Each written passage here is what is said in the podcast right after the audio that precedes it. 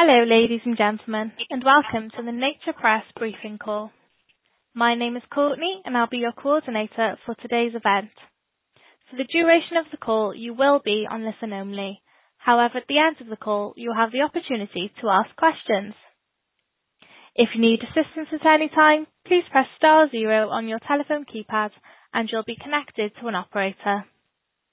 I'm now handing over to your host, Rebecca Walton, to begin today's conference. Thank you. Hello, everyone, and welcome to today's Nature press briefing for the paper entitled Persistent Microbiome Alterations Modulate the Rate of Post-Dieting Weight Regain, which will be published online in Nature this week. Before we begin, I'd like to remind you all that the paper and this briefing are subject to an embargo of 4 P.M. London time, 11 A.M. U.S. Eastern Time on Thursday, the 24th of November, and please note this atypical embargo time. First, we're going to hear from two of the authors on the paper, Dr. Eran Elinav from the Weizmann Institute of Science and Dr. Eran Segal, also from the Weizmann Institute of Science. There'll be time for questions after we've heard from our speakers. So I'd now like to hand over to the first speaker, Dr. Eran Elinav. Hi there. Hi, everybody. Uh, so this is Eran Elinav, and uh, I will be briefly uh, telling you about the main findings of our um, story. Um, in this study, we focused on relapsing obesity, which is commonly also called yo-yo obesity, which is a common feature of overweight and obese individuals all over the world, and manifests as cycles of obesity and successful dieting, which gradually result from cycle to cycle in increased weight gain and obesity over time. Now, while uh, we and uh, many others are uh, attempting to make progress in understanding obesity, the concept of relapsing obesity remains largely obscured. In this study, we utilized three different models um, of relapsing obesity in mice that involve different diets, um, different durations of dieting, and medical interventions assisting in dieting. And in all of these models, we could notice that recurrent episodes of obesity followed by successful dieting were associated uh, with gradually uh, worsening uh, weight gain, diabetes, and hypercholesterolemia, which is very similar to what is observed in recurrently obese humans. We discovered that following a successful diet and full return to the original weight, all the physiological and metabolic parameters also returned to full normality, except a single set of parameters, which is the gut microbiome composition, function, and metabolism, which remained severely altered for a prolonged period of time that uh, exceeds in mice uh, by fivefold the period that it took them to actually diet. Now, what was important in this study is that we found the altered microbiome to contribute to exaggerated weight regain upon re-exposure to obesity-promoting conditions.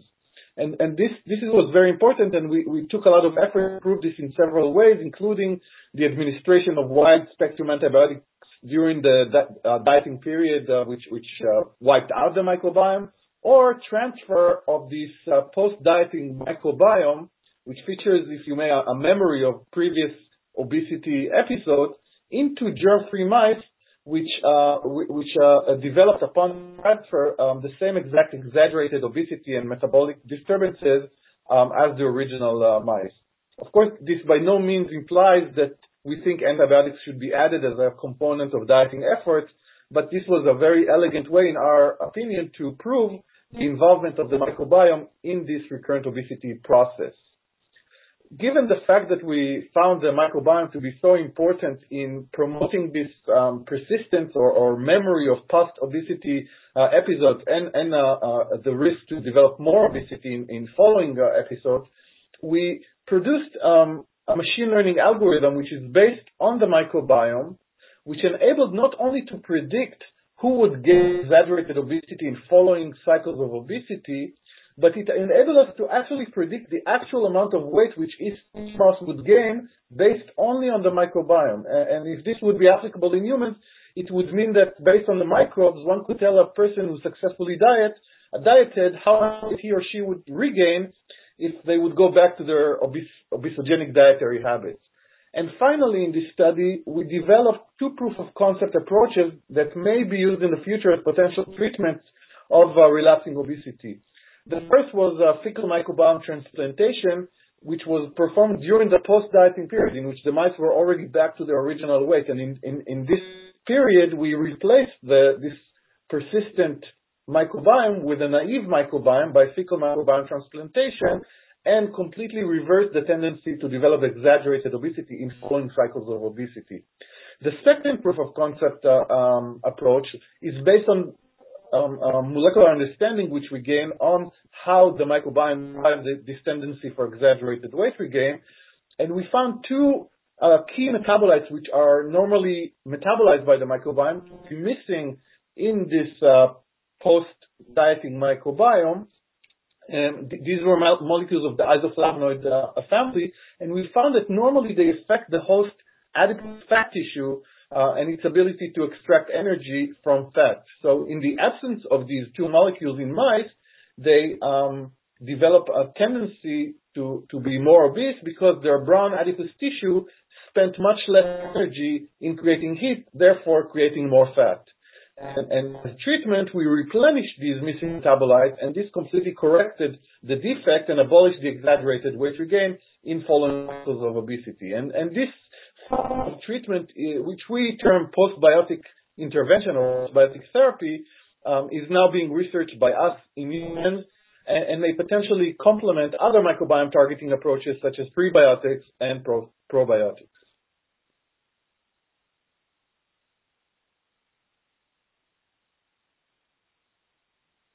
Thank you. Um, so will we now hear from Eran Segal? Um, uh, hi, everybody. Um, so I would like to add um, our joint thoughts on um, uh, kind of the uh, higher level meanings and implications of the study and kind of uh, bring out a few points that we think would be interesting to discuss. Um, so the first one is obviously uh obesity is a is a worldwide epidemic these days, and uh it's it's heavily researched. It's uh, it's it's very common in in humans. And I think uh, one of the novelty, novel aspects that we examined here is is, we looked at uh, the phenomena of relapsing obesity, which is also very common and much less well understood. So it is also very well known and published that diets generally fail and don't work. And it's and it's typically not because they don't work initially. Initially, and there's many different strategies. Initially, they work, but the problem is with uh with the weight regain. And and then people go on on diets uh, uh, over and over again, and and and and we keep failing uh in that. And so uh uh just first of all, investigating and looking uh into this question is is one uh novel aspect of this work and and obviously a very uh a very common problem uh that we we we see in humans. We'd also also like to point out this study obviously was uh, performed in mice, uh, so definitely needs to be checked uh, in humans. However, we believe that this will um, similar phenomenon, similar um, involvement of the microbiome in human would also persist, and we are also basing this on even in mice, we observed this in three different dietary regimes that we gave the mice and observed this enhanced um, weight uh, regain uh, effect. Uh, another interesting discussion point is um, when we think about the involvement of the microbiome with us and when we think about us together with the microbiome being a supra-organism, if you will, that really acts together. And in this respect, I think this work adds some insight on the fact how, of how the microbiome acts as a buffer to changes in our diet. So what we showed here is that uh, upon a change in a diet, in this case, a high-fat diet that uh, the mice go onto, um, in this case, the microbiome exhibits a persisted state that remains for a very long period of time, even after we um, we suddenly switch to to a normal uh, a normal chow diet, in this case, for for the mice. And um, and and while in many cases, perhaps the microbiome during our our evolution has uh, evolved to buffer us and and protect us, in this case, it is now acting against us with this persistence, or if you will, this memory encoded by the altered configuration of the microbiome, which uh, acts against us in this case to um, uh uh uh um, persist in the state of the previous high-fat diet and then exhibit the, in this case, adverse effects of enhanced weight regain on uh, upon a secondary exposure to the high-fat diet. Uh, another finding in the study, which, which also uh, has uh, much relevance, is that when we transferred the microbiome into germ-free mice, uh, we saw the enhanced weight regain effect only when these mice were also on a high-fat diet and not when these mice were on a normal chow diet. And so that indicates that uh, it, the microbiome by itself may not be sufficient to induce this effect, but it's in fact the combination of the microbiome and the diet, which is what we want to understand of how uh, they exhibit this this effect. And uh, in that respect, I will even go a step further and say that um, it, it's really down to uh, a personalized microbiome because, as Eran Elinav mentioned uh, before, uh, the computational predictor that uh, that we developed as part of this work was able to take only the microbiome configuration and from it be able to predict what the uh, weight regain, what the exact weight regain would be of uh, individual mice on uh, when they now are put on the same diet. So it's not just that there were two groups of mice in that uh, in that prediction, because every mice, uh, when we measure, every mice um, uh, every mouse exhibits a, a different amount of weight that that it gains and, and we were able, only looking at the microbiome, to not just separate the two different groups, but to each individual mouse be able to predict its, uh, its, uh, its, uh, the amount of weight that it will gain. And so if we think of uh, potentially doing that in humans, and this is ongoing studies that we are now engaged in, um, um, um, then, then one promise would be that we would might be able to look at the personal and unique microbiome configuration that each of us hosts and, and use that unique microbiome configuration in order to be able to say and predict on which types of diets would in, would induce which types of um, uh, uh, uh, changes in weight.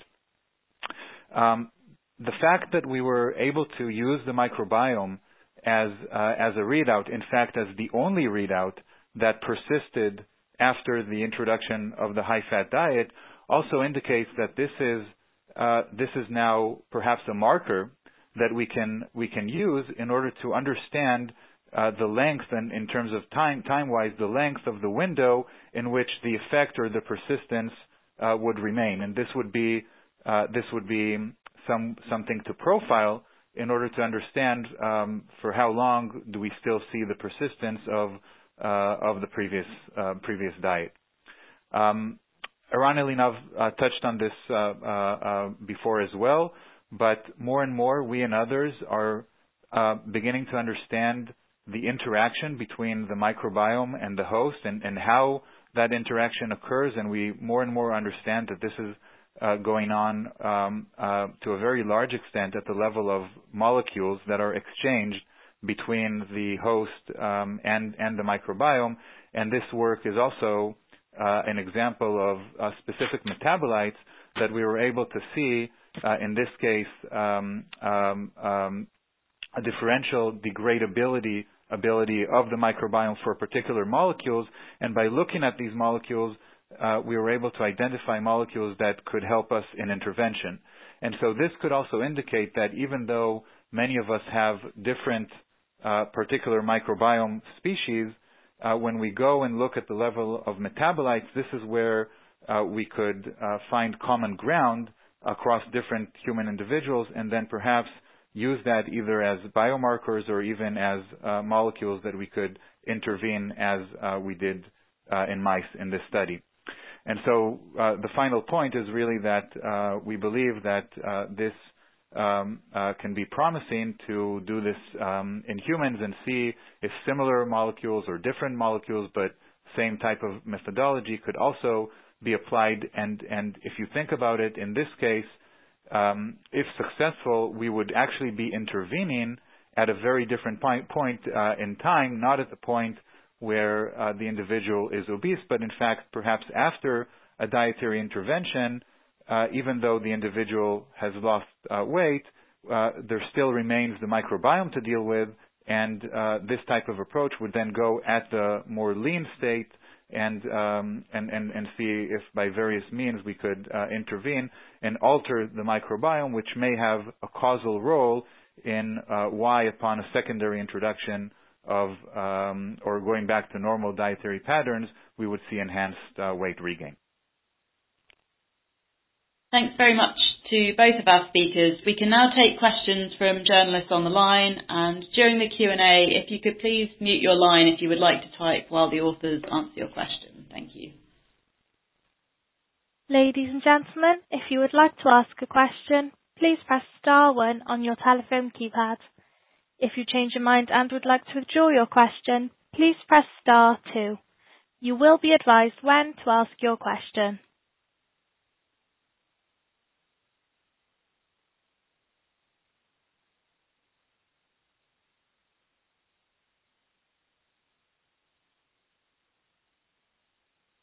We currently have no questions coming through, so just a reminder, if you would like to ask a question, please press star one.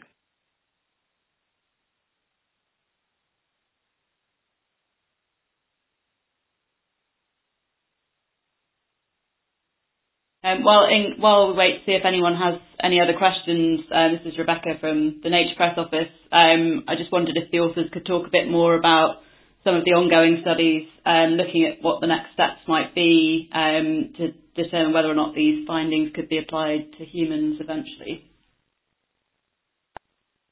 Sure. So this is Eran Elinav. Um, and of course, uh, the next uh, obvious step uh, is to human and to, to study this in uh, populations of humans that uh, suffer of uh, similar relapsing obesity phenotypes. And, and, you know, there are many of these. Um, according to different uh, studies, uh, up to 52% of all obese individuals um, feature this type of uh, relapsing obesity pattern in their weight behavior. Um, and there are many subgroups that are of particular interest, such as people that undergo bariatric surgery, and other groups of people. And we aim to study these populations using the same methodology that we've developed here in animal models we are uh, not um, sure whether um, the exact same molecules um, and the exact same weight would be applicable uh, uh, in humans, but it seems that the general the general concept may hold true in different species, including in humans.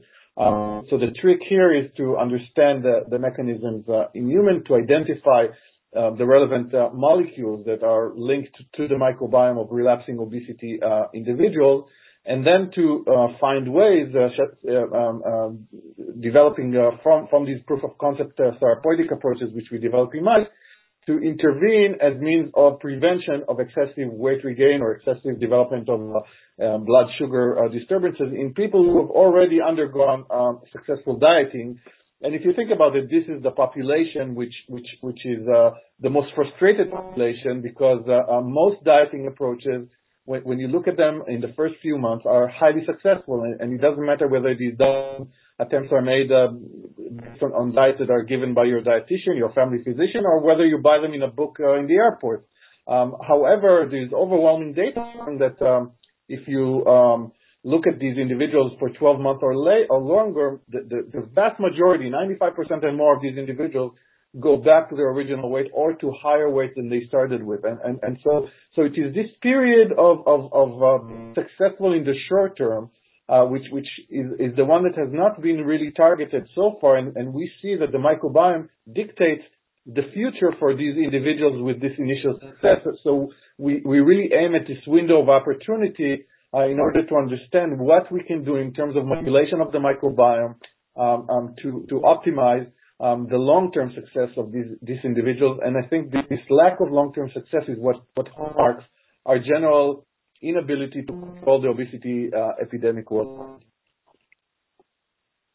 Thank you.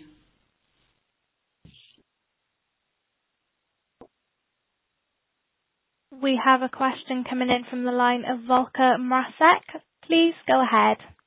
Yes, hello. This is Volker Mrasek with the German National Public Radio in Cologne in Germany. Um, my question would have been the same as Rebecca's. Um, you are planning to have these human trials. Can you give me an idea of when they are going to start, where they are going to start, and how long it might take to get an answer whether this really works in humans as well?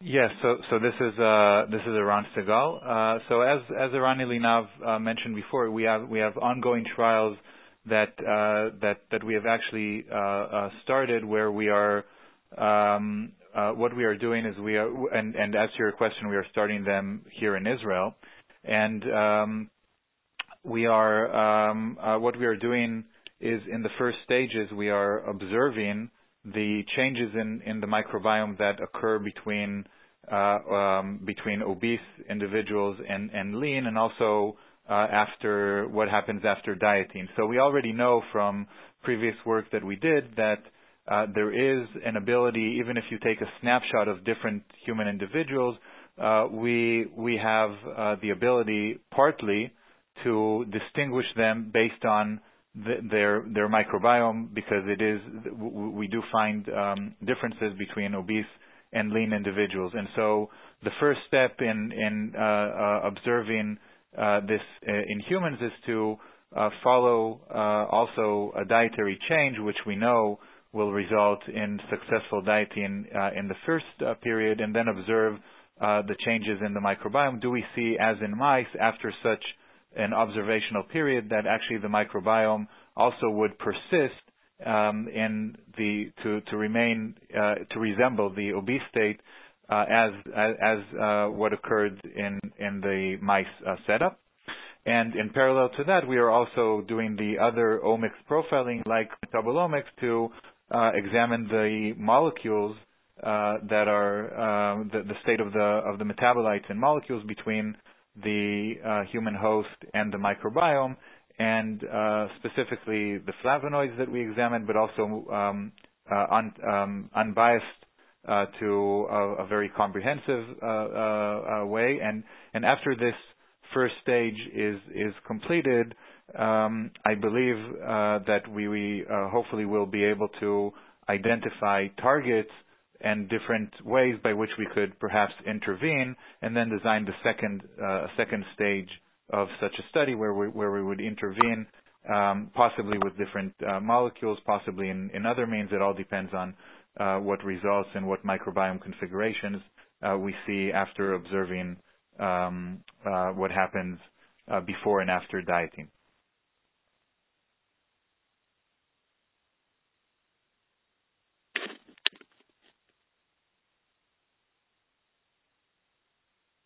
Our next question comes in from the line of Irene Klotz. Please go ahead. Hi. Thanks very much, and um, thanks for taking the time to do this today. Um, I wanted to know in the mouse studies, at some point, did the microbiome um, stay with what was developed under the lean diets, or no matter how much time passed, did it revert back, uh, or did the microbiome stay as it had been um, under the obese models? Um, and also, is um, uh, do you have a sense of whether the microbiome is genetically determined, or is it um, believed to be more a function of um, what people or animals eat? Thanks. Yeah. So thank you for this is Eran Elinav. Thank you for, for those two good questions. Um, as to your first question, uh, um, what we observed, and this was at the, the heart of the study, was that uh, following successful dieting to a point where no one could distinguish between mice that were once obese to mice that were never obese in any um, uh, in terms of any metabolic parameter, including their weight, the microbiome remained altered, and it remained altered for, for an exceedingly long period of time of up to six months. So, uh, just to give you a flavor, uh, mice in captivity live in average for two years, and, and we observed the microbiome to be persistently uh, altered for six months, uh, which is a very long period and, and unexpected period of persistence or of memory. Um, importantly, um, once um, this point arrived in which the microbiome after six months was no longer different between mice that were previously obese to mice that were never obese, at that point when we reinduced uh, obesity by administration of high-fat diet, we no longer could see the exaggerated weight gain in these previously obese mice, which means that once you get rid of the differences in the microbiome, you wait long enough, then you close this window of risk, and then these mice behave just like regular mice. Now, what this implies, the period of time in which uh, um, a similar persistence would hold in dieting humans is, is an open question, and this is what uh, uh, um, is at the center of our big effort to, to, to continue the studies in humans. You know, and it could span anything from months to years, and, and I know this is a perhaps a sobering uh, thought, but but but uh, it may explain some, more more than some, of, of, of our great failure to maintain weight uh, following dieting. Um, now, now, as to your second question, um, this relates to the to, to the microbiome field um, in, more general terms, and, and we are engaged in, in many different uh, aspects of microbiome uh, and host interaction research. Um, the more we probe, the more we find that the microbiome, if you may, uh, is considered as a hub that integrates into it many signals that come from many different places. The, microbiome is greatly affected by um, the, host genome, the human genome or the mouse genome, depending on which studies you look at. Um, and, there are identical twin studies uh, showing this very convincingly. The, the microbiome is also affected by our immune system. But what is special about the microbiome is that it also is greatly affected by any form of environmental uh, condition that surrounds us, uh, nutrition, stress, the medic, sorry, the, the medications we take, and many more factors which we know affect our health, but up to now we, we, we didn't really know how and, through which channels they, they impact our body. So the microbiome perceives all of these different signals coming from inside us and from around us. It integrates them and then it uses them in its communication channeling with the host. And, and it is these communications between us and our microbes which we believe is the key to understanding many aspects of, of our physiology and many aspects related to our risk to develop very important and common diseases such as diabetes, obesity, inflammatory diseases, and even cancer. And understanding, if you may, the alphabet by which we communicate with our microbes back and forth is the key to understanding or to, to developing new interventions targeting the microbiome. And metabolites are, as we highlighted in this study and in other studies, are part of this alphabet by which we and our microbes communicate with each other.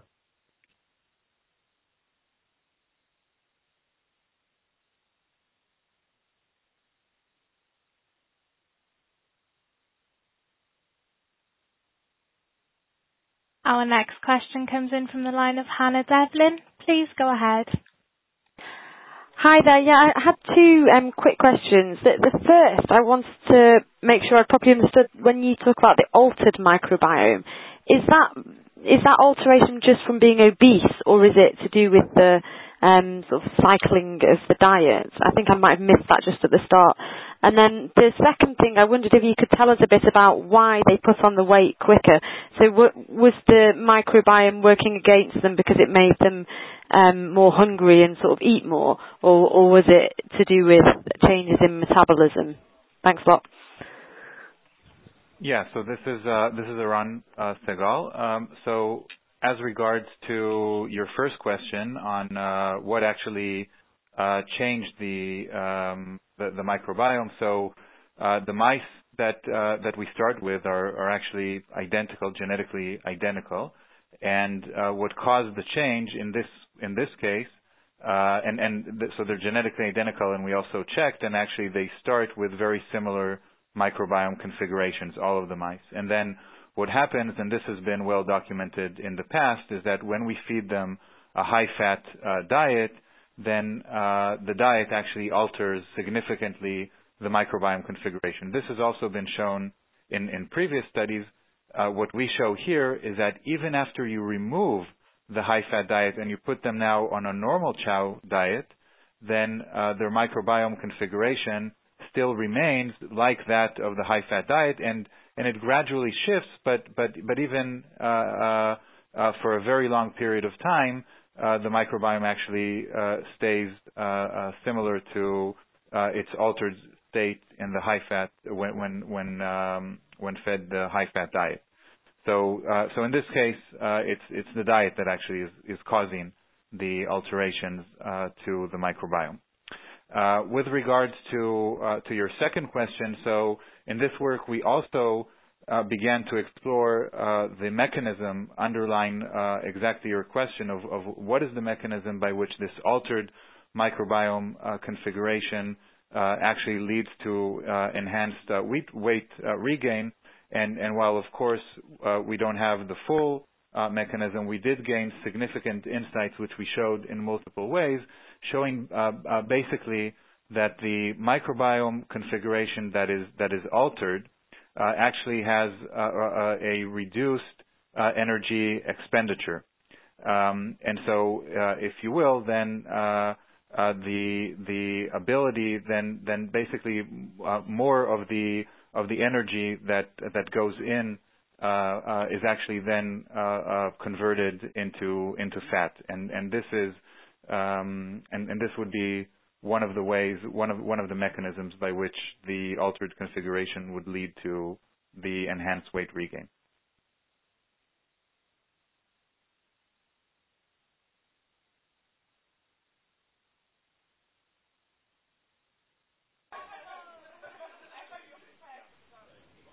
Our next question comes in from the line of Kate Calland. Please go ahead.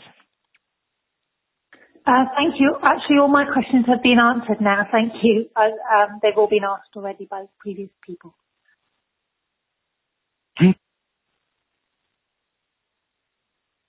We currently have no further questions in the queue, so just a reminder, if you would like to ask a question, please press star one now.